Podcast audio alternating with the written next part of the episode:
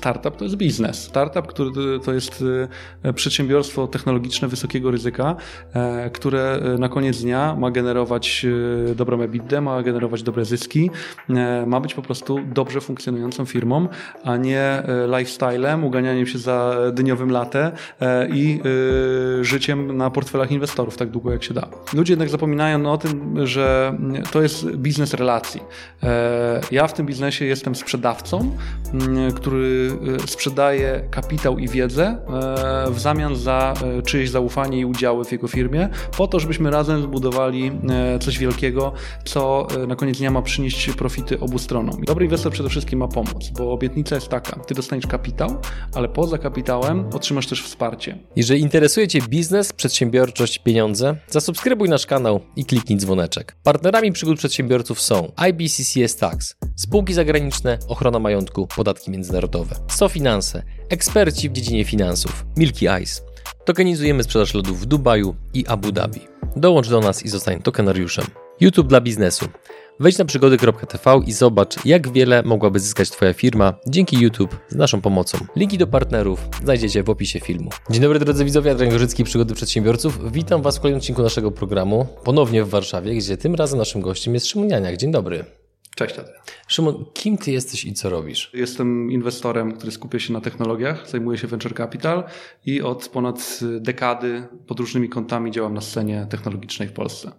Oczywiście to jest z automatu nasuwa się pytanie, jak to wszystko się zaczęło, jak w to wszedłeś, ale nie będziemy o to za bardzo pytali. Możesz to pokrótce rozwinąć, ponieważ drodzy widzowie i słuchacze, dzisiejszy odcinek jest poświęcony temu, że jeżeli wy obecnie bądź w przyszłości będziecie się starali o pozyskanie finansowania ze strony Venture Capital, to ten odcinek pokaże wam, co robić oraz jakich błędów, często głupich, nie popełniać, które mogą często przekreślić szanse na finansowanie. Dobrze to ująłem? Idealnie. Dobra, to w dwóch zdaniach, jak to wszystko wszedłeś? No bo to nie jest taki, wiesz, oczywisty zawód, że nagle zostaje się inwestorem venture capital. Tak, wiesz co, ja mam akurat najfajniejszą stronę tego wszystkiego, bo byłem wcześniej przedsiębiorcą, yy, gdzie skupiałem się na stronie operacyjnej, czy to perspektywie zarządu, czy perspektywie dyrektora marketingu i realizując kolejne projekty dostrzegałem wartość w patrzeniu to wszystko z lotu ptaka. To znaczy perspektywa inwestora jest zupełnie inna niż perspektywa osoby, która jest zaangażowana w taki daily business i zauważyłem, że moje doświadczenie jest coraz bardziej e, przydatne e, w ramach tego big picture. E, więc na początku było to działanie w ramach spółki doradczej, gdzie zajmowaliśmy się tą, nazwijmy to, twardą finansjerą, w tym kontekście, że wycenialiśmy spółki, łączyliśmy je, restrukturyzowaliśmy, czyli jakby wszystko, co potrzebne jest do tego, żeby zbudować strukturę spółki. Później z kolei założyliśmy swój startup, w ramach którego działaliśmy na, trzy, na bazie trzech kontynentów i robiliśmy tuzin szalonych rzeczy. E, a kolejnym krokiem był e, własny fundusz, który, który stworzyliśmy, który teraz już po mm, trzech latach e, działalności ma ponad 30 zaangażowanych spółek. Natomiast też to warto wspomnieć, że moje doświadczenie z funduszami zaczęło się już no, dobre 10 lat temu, kiedy to po raz pierwszy zajmowałem się e, business developmentem w spółkach portfelowych e, funduszu. Już wtedy wiedziałem, że to jest coś, co mi się bardzo podoba i gdzieś w przyszłości chciałbym e, się z tym związać, a tak fortunnie się to złożyło, że na koniec dnia to się skleiło w układankę, w której wygląda, że tak miało być od początku. Mhm. Tak nie było. Dotknijmy trochę liczb. Ile kapitału dotychczas zainwestowaliście? Te 32 spółki. Ponad 30 milionów złotych. Okej. Okay. I Ile projektów po drodze odrzuciliście? To jest chyba jeszcze ciekawsza liczba. Rocznie analizujemy pomiędzy 1300 a 1500 spółek. Y, inwestujemy w około 12, co czyni nas, bo to też y, jakby perspektywa jest ważna, 12 spółek rocznie czyni nas jednym z najbardziej aktywnych funduszy w Europie Środkowo-Wschodniej, jeżeli chodzi o tą wczesną fazę e, inwestycyjną.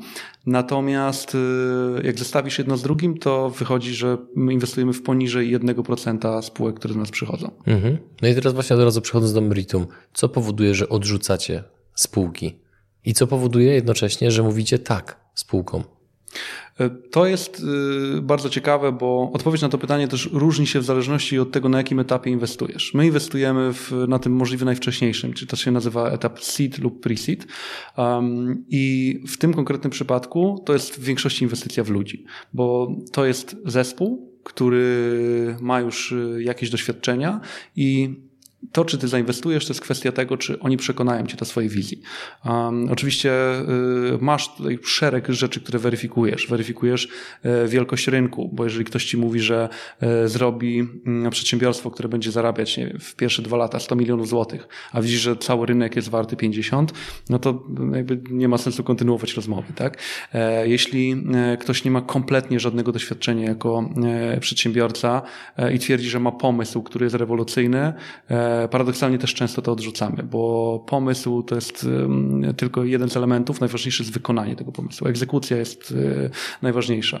E, kolejny aspekt to jest to, czy ci ludzie są przygotowani i to jest e, bardzo często fundamentalny błąd, który popełniają osoby, które przychodzą po finansowanie. To znaczy, e, przychodzą do e, inwestora, trochę licząc, że a, z którymś tam pogadam w końcu coś się trafi.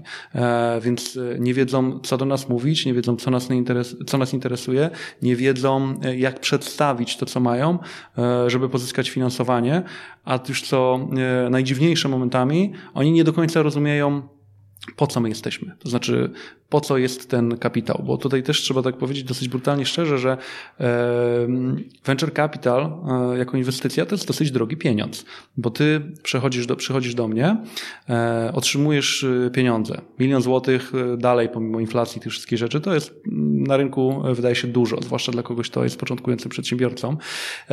Natomiast jaka jest za to cena? No ceną jest część twojej firmy, tak? Czasem mniejsza, czasem większa i ty musisz bardzo wierzyć w to, że zarówno kapitał, jak i moje wsparcie e, zwrócą ci się w przyszłości, prawda? Bo mógłbyś iść po kredyt, mógłbyś e, zebrać e, finansowanie z crowdfundingu czy czegokolwiek innego, gdzie to będzie dużo tańsze, więc paradoksalnie ludzie nie myślą trochę o tym, tylko w bardzo szybko, w pewien sposób automatyczny myślą, że ok, założyłem startup, to teraz idę po inwestorów. I na tej kanwie zaczynają się tworzyć różnego rodzaju patologie, kiedy zapominają o tym, że startup to jest biznes, że startup który to jest e, przedsiębiorstwo technologiczne wysokiego ryzyka, e, które e, na koniec dnia ma generować dobrą EBITDA, ma generować dobre zyski, ma być po prostu dobrze funkcjonującą firmą, a nie lifestylem, uganianiem się za dyniowym latę i życiem na portfelach inwestorów tak długo jak się da. Mhm. Z czego właśnie wynika to, że jest takie trochę umiłowanie dla lifestyle'u startupów, bo to o tym się często słyszy. Dlatego, że on, e, on jest bardzo lekki, to znaczy e, życie e, startupowca bardzo często kojarzy się z luzem, z tym, że pracuje się kiedy się chce, że otacza się fajnymi ludźmi, że jest dużo wyjazdów i po części to się wszystko zgadza, ale w momencie, kiedy jest zapewniony ten fundament w, w postaci przychodów albo stabilnego źródła finansowania od inwestorów, bo to jest często też takie powiedzenie, że e, jak masz startup, to śpisz jak dziecko, e, budzisz się w nocy i płaczesz. Tak? I to e, nie jest naprawdę przypadek w tym kontekście, że mało osób na przykład myśli o, o tej perspektywie, że mając startup, ty masz bardzo niestabilny biznes, a wokół masz zespół, masz ludzi, którzy mają e, rodziny, zobowiązania i to od ciebie bardzo często na wczesnym etapie zależy, e, czy oni będą mieli jak się e, sfinansować. Więc w pierwszym kroku masz pewną odpowiedzialność za swój zespół,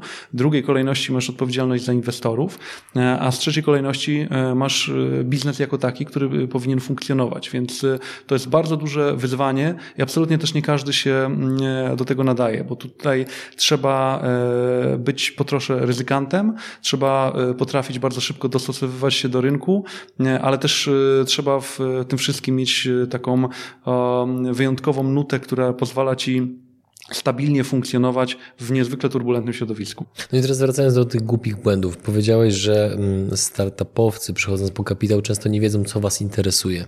Tak. Więc nie mogę nie zapytać, co Was interesuje zatem? Wiesz to, przede wszystkim y, trzeba pamiętać, y, że my jesteśmy inwestorami, więc y, robimy to po to, żeby zarobić pieniądze. I to jest fundament. O tym trzeba myśleć cały czas. Więc kiedy przychodzi do nas spółka, oferując nam udziały, to my w pierwszej kolejności myślimy, ile na tym zarobimy. Nie jest to tajemnicą e, Poliszynela, ale w momencie, kiedy ktoś e, przychodzi bardzo ambitnie opowiadając, jak e, zmieni świat, ile dobrego zrobi, w jaki sposób produkt bądź usługa, którą oferuje, wpłynie na użytkowników na koniec dnia, to jest wszystko ciekawe i to story jest bardzo ważne. Natomiast jednak fundamentem jest to, że musi to zarabiać pieniądze. Dlatego, że wiele osób zapomina, skąd w ogóle venture capital ma pieniądze. Tak? My, e, jako fundusze, zbieramy kapitał od innych inwestorów. To znaczy, e, tworząc fundusz, tworzymy konkretną strategię inwestycyjną, mówimy, w jaki sposób chcemy inwestować, e, podając, jaki to jest sektor, czym te spółki będą się zajmować na określonych etapach, co my chcemy osiągnąć, jakie parametry finansowe chcemy osiągnąć i zbieramy inwestorów inwestorów, tak zwanych LPs, czyli Limited Partners, którzy powierzają nam e, swój kapitał. I my co do zasady mamy tak e, zainwestować te środki, żeby pomnożyć ten kapitał, oddać to, co e, dali nam nasi inwestorzy, a następnie podzielić się zyskiem. Dlatego też w momencie, kiedy startupowcy przychodzą do nas, muszą pamiętać, że my przede wszystkim kierujemy się nie tylko impaktem, ale tym, żeby mnożyć kapitał, który do nas przychodzi. Więc Zawsze patrzymy na parametry, na e, tempo wzrostu spółki, tempo wzrostu e, rynku, głębokość e, tego rynku. Coś, o czym często się zapomina, czyli pewną unikalność technologiczną. To znaczy, najlepiej rozwijają się te spółki, które mają tak zwane defensible IP, czyli własność intelektualną, które ciężko jest odtworzyć. Chodzi o to, że w momencie, kiedy przyjdzie na przykład korporacja, która ma 100 razy więcej kapitału niż ty, że ona nie odtworzy tego w miesiąc, bo tam jest jakiś secret sauce, tam jest jakiś magiczny składnik, który powoduje, że to e, ciężko jest wszystko odtworzyć. I e, myśląc w ten sposób, jesteś w stanie ułożyć sobie pewną e, strategię, jak ta spółka się będzie rozwijać, kto będzie za co odpowiadał. I na kanwie tego z kolei pojawiają się składowe. Czy masz komplementarny zespół? Czy wiesz w ogóle po co potrzebne ci są pieniądze? Bo to jest pewien paradoks, że bardzo często ludzie przychodzą, mówią, że potrzebują kapitału, a w momencie, kiedy te rozmowy są już na pogłębionym etapie, oni de facto nie wiedzą, co im ten kapitał ma dać nie zdają sobie sprawy, że e, ten kapitał jest po to, żeby przyspieszyć e, ich e, rozwój. Bo venture capital nie jest po to, żeby reanimować spółki, którym nie idzie. My jesteśmy po to, żeby popychać te spółki, które rozwijają się szybko, żeby działały jeszcze szybciej, żeby jeszcze szybciej się rozwijały i żeby jeszcze większe zasięgi jako firma potrafiły generować. Chcesz spotkać się z gośćmi wywiadów na żywo, w realu? To możliwe. Wpadaj na eventy przygód przedsiębiorców. U nas nie ma sztampy i byle jakości. Są za to mega atrakcje, przemyślany networking, ogrom wiedzy i skuteczni przedsiębiorcy. Wejdź na stronę przygody TV slash kalendarium i sprawdź, gdzie wylądujemy następnym razem. Pozostając w temacie głupich błędów, nie mogę Cię nie zapytać o jakieś anegdoty, przykłady takich ekstremalnie skrajnych, jaskrawych sytuacji, gdzie ktoś przyszedł i po prostu, przepraszam za kolokwializm i może mało eleganckie słowo, okazał się totalnym dzbanem podczas prezentowania swojego pomysłu, że po prostu aż robiliście palm face'a, że jakim cudem znaleźliście się w ogóle w jednym pomieszczeniu razem wszyscy. Wiesz co, y, to wymienię ci kilka, bo tutaj y, anegdota to jest... Ale to od razu z nazwiskami peselami poprosiłem. Anegdota też dużo, ale y, wiesz, zacznijmy na przykład od ubioru. Ja wiem, że to, to może nie być najlepszy przykład jako, jako pierwszy, a to, to, to skojarzyło mi się, bo pamiętam rozmowę z facetem, to było jakiś czas temu, który umówił się z funduszem. Tak? Ja byłem tam osobiście jako, jako partner zarządzający, więc ja jestem tak wychowany, że w momencie, kiedy spotkanie jest dla mnie istotne, staram się w jakiś sposób uzewnętrznić tą istotność. Tak? To znaczy odpowiednio się ubiorę, będę przygotowany, wszystko e, będzie wykreowane tak, żeby mój rozmówca potraktował mnie e, w sposób poważny. No i zaczynam spotkanie, włącza się kamerka i widzę faceta, który wyraźnie dopiero wstał i to dopiero wstał po dobrym melanżu. W tym sensie, że facet leżał jeszcze w łóżku, rozmawiał ze mną y, trzymając y, telefon. E, Leżąc wokół, w łóżku. Tak. Wokół były generalnie poprzewracane y, butelki i opowiadał mi o rewolucyjnym pomyśle, już nawet szczerze mówiąc nie pamiętam czego on dotyczył i e, żeby było śmiesznie, ten pomysł nie był taki zły. Natomiast jakby sposób prezentacji i podejście tego człowieka no były dla mnie nie, nie do przyjęcia już na samym początku. Tak? Jednak ja coś daję od siebie i też oczekuję, żeby mój potencjalny wspólnik też był na takim samym poziomie. Inne błędy to jest to, że ktoś na przykład przesyła e, prezentację do funduszu. W funduszach utarło się to, że przesyła się pitch decka, czyli jest to prezentacja, która w, pewien standardowy dosyć sposób opisuje cały biznes. Jaki głęboki jest e, rynek, e, czym dokładnie chcesz się zajmować, jak pozyskujesz klientów, jak będziesz uderzał na kolejne rynki. I na przykład ktoś przesyła jedną kartkę i na tej jednej kartce jest napisane, że on zdominuje wszechświat, że on ma rewolucyjny pomysł, wiesz, masa buzzwordów,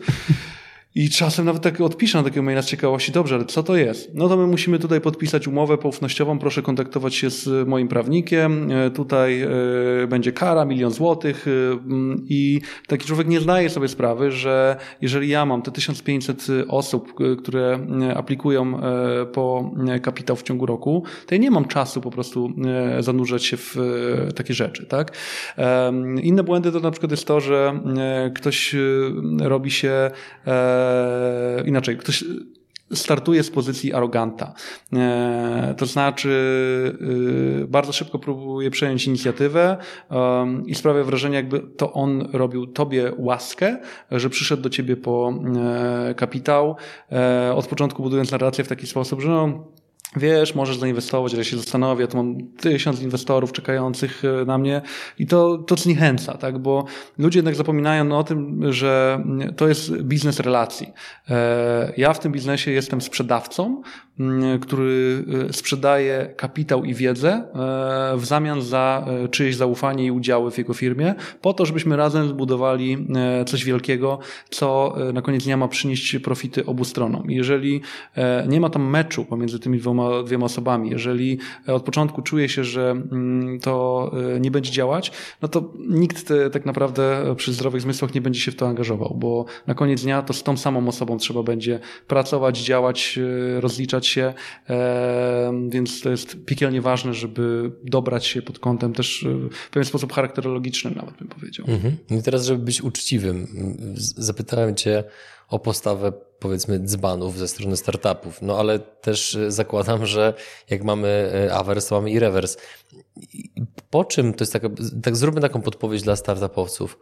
Po czym poznać, że inwestor... w venture capital? Tak, dokładnie, dzbana w venture capital. Po czym poznać inwestora, który taki się trochę wyda, może wydawać, okazać śliski, który obiecuje gruszki na wierzbie. Po, po czym poznać inwestora, który nie jest solidny, jest bardziej opowiadaczem? Okej. Okay. Znaczy, przede wszystkim to też trzeba bardzo jasno yy, powiedzieć, żeby ten balans tutaj wybrzmiał, że yy, świat venture capital jest bardzo specyficzny, no bo yy, w Polsce w zależności od źródeł to jest 130-150 funduszy, yy, przeciętny fundusz ma dwóch, trzech zarządzających, no to jest raptem paręset osób w Polsce. I teraz problemem jest to, że w venture capital yy, buduje yy, u ludzi pewną mm, megalomanię. To znaczy, jak ktoś y, zdołał przekonać inwestorów do tego, żeby powierzyli mu y, spory kapitał, czy to jest 50, y, 100 czy, czy 200 milionów, to już wydaje mu się, że jest super gościem, jego ego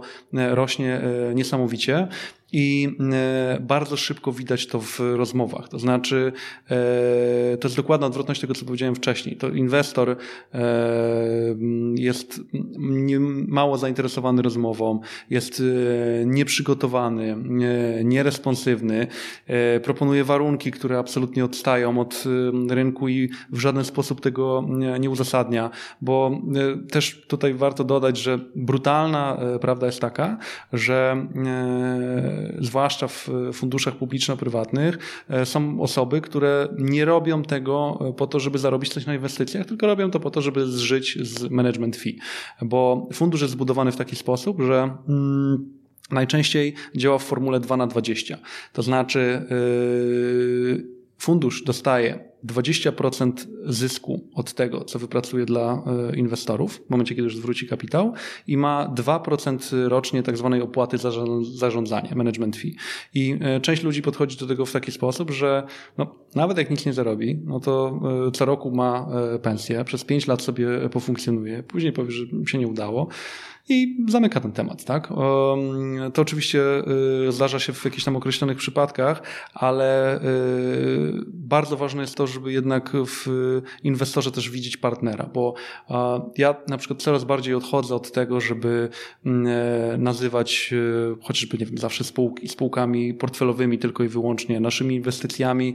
Ja raczej podchodzę do tego od takiej mm, strony mm, e, ludzkiej, to znaczy, że my zyskujemy partnerów, wspólników, tworzymy jednak jakiś tam większy konglomerat osób, które mogą e, razem działać, bo dobry inwestor przede wszystkim ma pomóc, bo obietnica jest taka, ty dostaniesz kapitał, ale poza kapitałem otrzymasz też wsparcie. Mm, I to wsparcie to jest to, co ja budowałem przez lata, popełniając y, tysiące durnych błędów, że straciłem na przykład, nie wiem, y, pieniądze, y, podpisując z kimś umowę w taki sposób, że to w ogóle mnie nie zabezpieczało, że wydałem paręset tysięcy na marketing w momencie, kiedy nie byłem przekonany do produktu. Jakby szereg rzeczy, których trzeba było się nauczyć i teraz ja nie zrobię biznesu za ciebie, to jest bardzo ważne, ale ja będę w stanie skonsultować z tobą szereg rzeczy, E, ratując cię tak naprawdę przed e, popełnieniem tego, co ja zrobiłem. I dobry inwestor to jest taki, który wskaże ci drogę, który będzie cię mm, wspierał w tym, żebyś się dobrze rozwijał, a na koniec dnia on spowoduje, że twój biznes rozwinie się szybciej niż gdybyś to robił sam. I to jest klucz w tym wszystkim. No więc mamy definicję dobrego inwestora, a definicja złego inwestora? Albo niebezpiecznego inwestora dla startupowca? To jest taki, który generalnie chce y, jak najwięcej y, wyciągnąć dla siebie z y, danej inwestycji, nie patrząc w ogóle na startup, tak? Bo startup jako z perspektywy inwestora można, inwestora można skrzywdzić w bardzo wiele sposobów.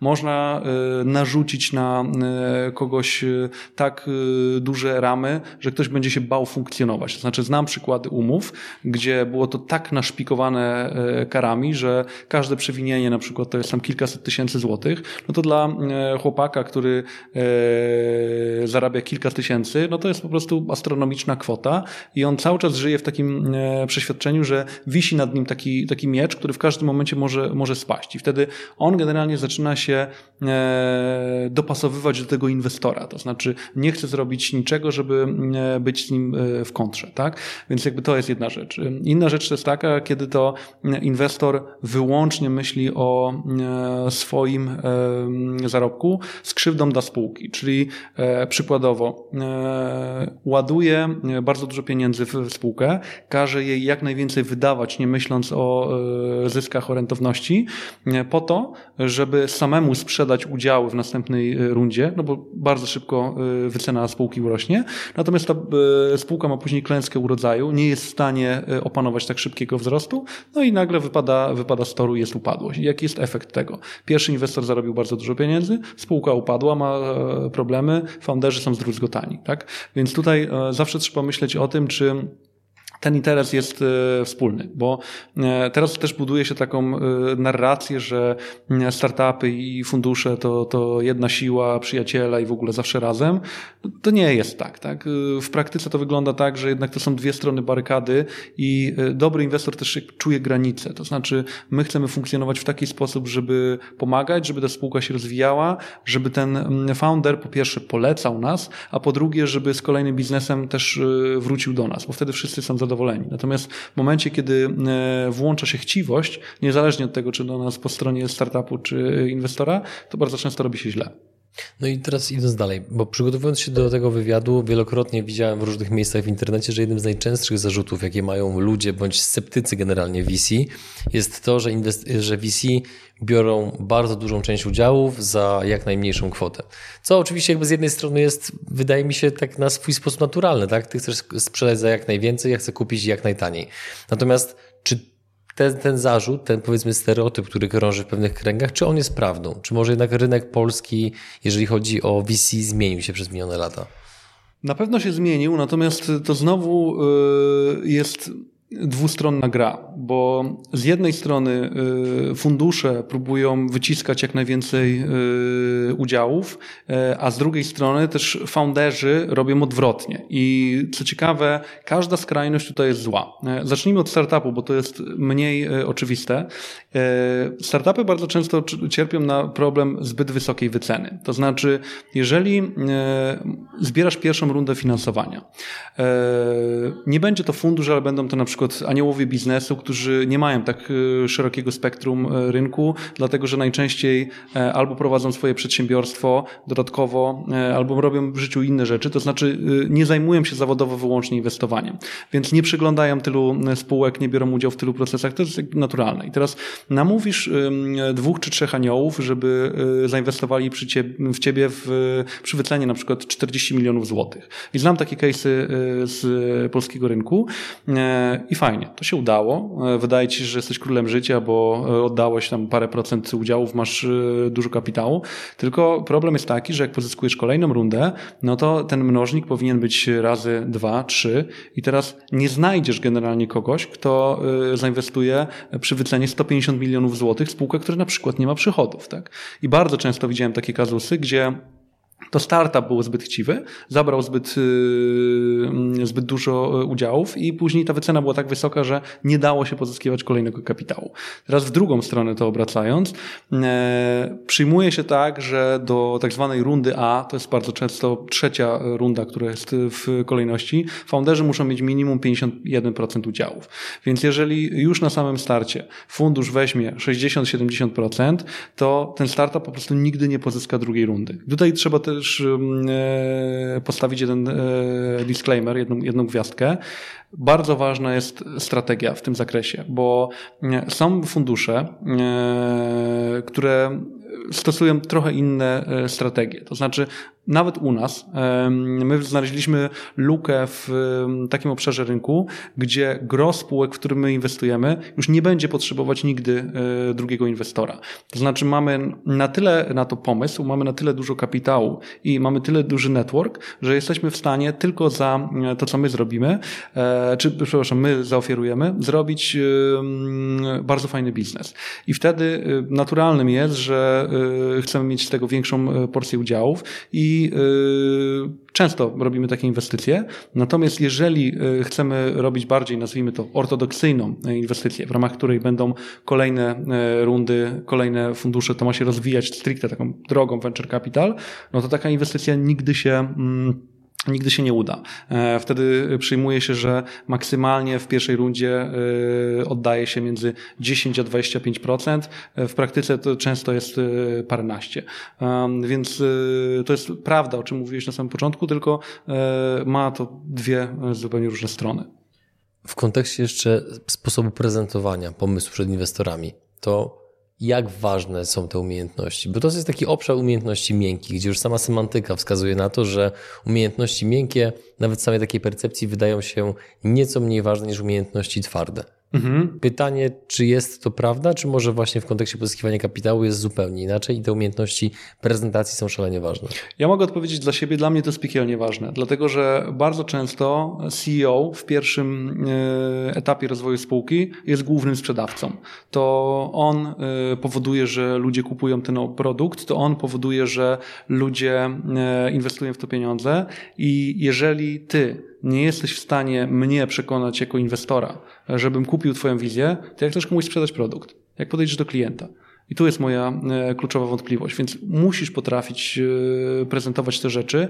Natomiast e, to jest też jedna z, jedna z kompetencji, bo najlepszy zespół to jest taki, który jest komplementarny, czyli będzie i osoba, która ma twarde kompetencje w zakresie zarządzania, będzie osoba, która zna się na kwestiach IT, no bo jednak one są kluczowe w startupach, gdzie jest własność intelektualna i software, ale musi być też ktoś, kto jest marketingowo sprzedażowy, dlatego że on musi temu wszystkiemu wszystkiemu nadać pewną narrację. Tak pamiętajmy, że jednak startupów są tysiące, funduszy wiele mniej, więc trzeba jakoś zbudować tą odpowiednią narrację, żeby na koniec dnia ktoś chciał wejść we współpracę z taką osobą. Więc to jest kluczowe. I teraz tak samo jak ja uważam, że jestem sprzedawcą, tak samo uważam, że każdy prezes startupu również takim powinien być, chyba że ma wspólnika, który przejmie tą rolę za niego. Ale sprzedaż jest kluczowa.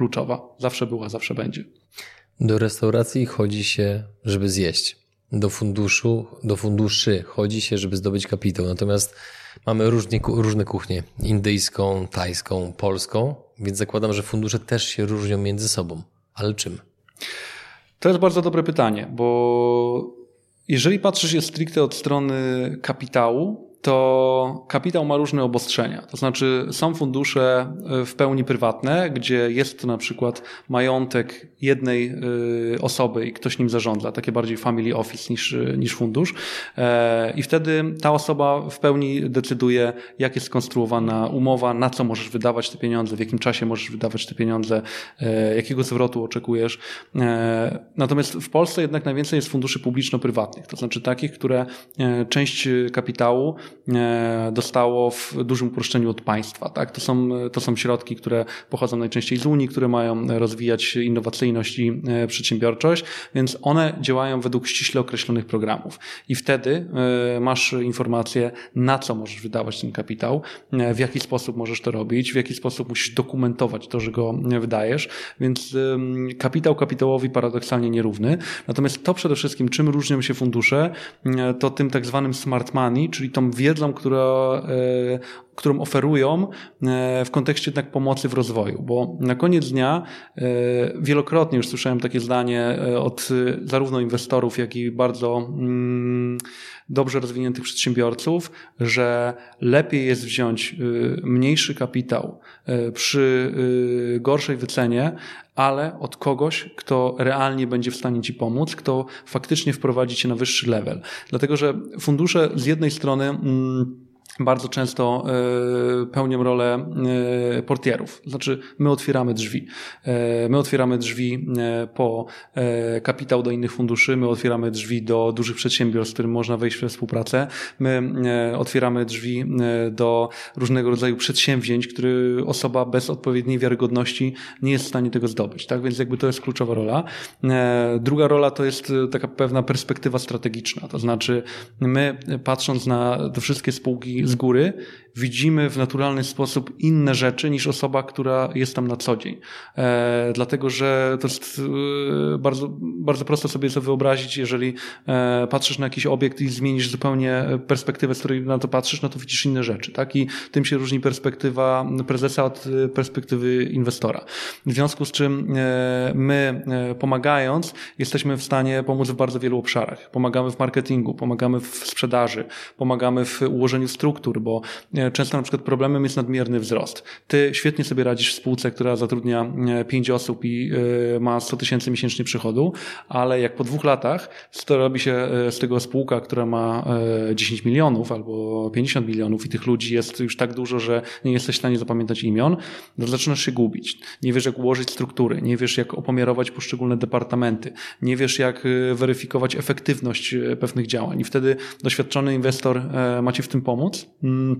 Jego rolą jest to, żeby przede wszystkim wspierać Ciebie w rozwoju Twojego biznesu, e, a nie na siłę narzucać Ci coś i zgrywać mądrale e, w kontekście zarządzania czymś, e, na czym się bardzo często nie zna.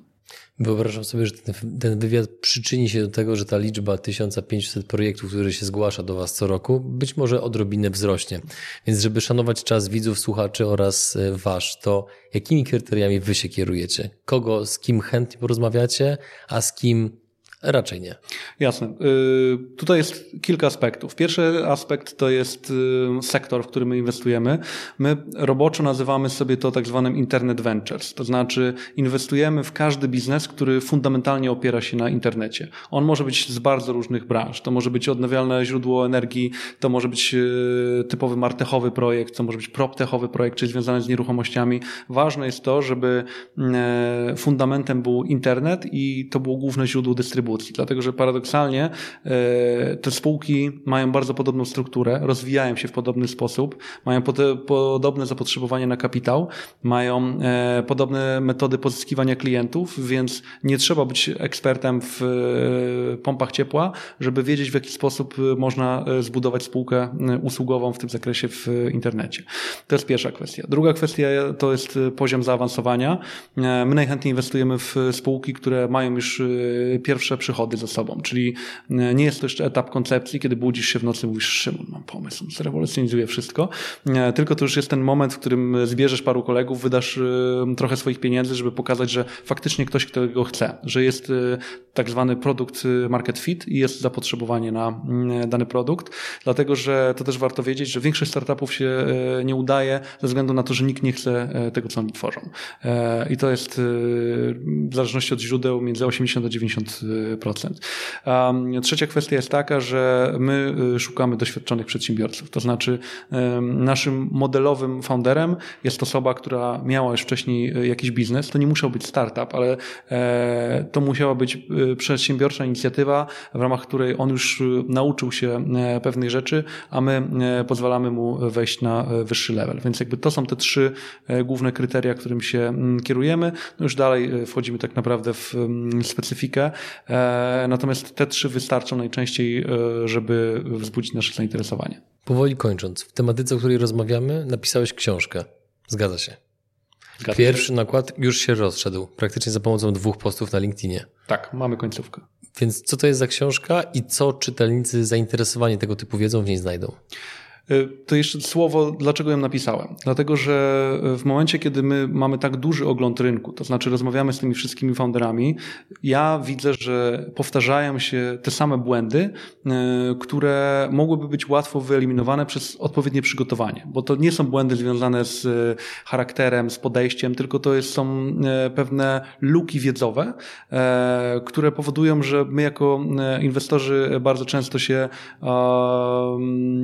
zniechęcamy zniesmaczamy pewnym, pewnym biznesem, dlatego że nie ma, tam, nie ma tam fundamentów. I ja sam to przerabiałem, jak y, wiele lat temu pozyskiwałem pierwszy raz y, kapitał w Stanach e, i wiele rzeczy mi się wydawało, a w praktyce e, okazywało się, że jest kompletnie odwrotnie. Później zacząłem e, próbować implementować w Polsce e, pewne wzorce, które były ze Stanów. Tylko uwaga, Polska to nie Stany, Warszawa to nie Dolina Krzemowa i e, zupełnie inaczej pewne, pewne rzeczy się odbywają. I ja zacząłem częściowo edukować ludzi. Na początku po prostu prowadząc wiele rozmów, później chcąc mieć większy zasięg, stworzyłem o tym mikropodcast, później zacząłem pisać artykuły, aż w końcu zacząłem dosyć intensywnie powielać tą wiedzę w ramach LinkedIna, gdzie, gdzie piszę na co dzień. Natomiast zdałem sobie sprawę, że pomimo tego, że ten e, rynek w Polsce już jest dojrzały, to właściwie nie ma żadnej książki, która by w sposób, w cudzysłowie, instruktażowy powiedziała founderowi, co on powinien wiedzieć, zanim pójdzie po raz pierwszy do e, funduszu Venture Capital. Co on powinien już mieć, w jaki sposób przygotować spółkę, E, czy on powinien zrobić prezentację, jeśli tak, to jaka to jest prezentacja, o czym on powinien mówić w ramach rozmowy. Basiki, e, ale zbudowane w oparciu o polski e, rynek i przede wszystkim napisane oczami osoby ze świata venture capital. I to był mój bezpośredni mm, powód, dla którego stwierdziłem, że czas jest to zmienić, więc zdecydowałem się tą książkę napisać po to, żeby pomóc founderom mm, zwiększyć efektywność ich działań i pomóc im zbierać większy kapitał. Dla osób, które słuchają nas na podcastach, jak nazywa się książka, żeby mogli ją znaleźć łatwo w internecie? Książka nazywa się Startup i Venture Capital. Okej. Okay. I w tym miejscu stawiamy kropkę. Drodzy widzowie, słuchacze, dziękujemy Wam za Wasz czas. Mam nadzieję, że ta wiedza, którą tutaj zaprezentowaliśmy, będzie dla Was przydatna. No i oczywiście zachęcamy do nabycia książki po to, aby pozyskiwanie kapitału było dla Was odrobinę łatwiejsze. Dziękuję za rozmowę. Dzięki serdecznie. Dzięki.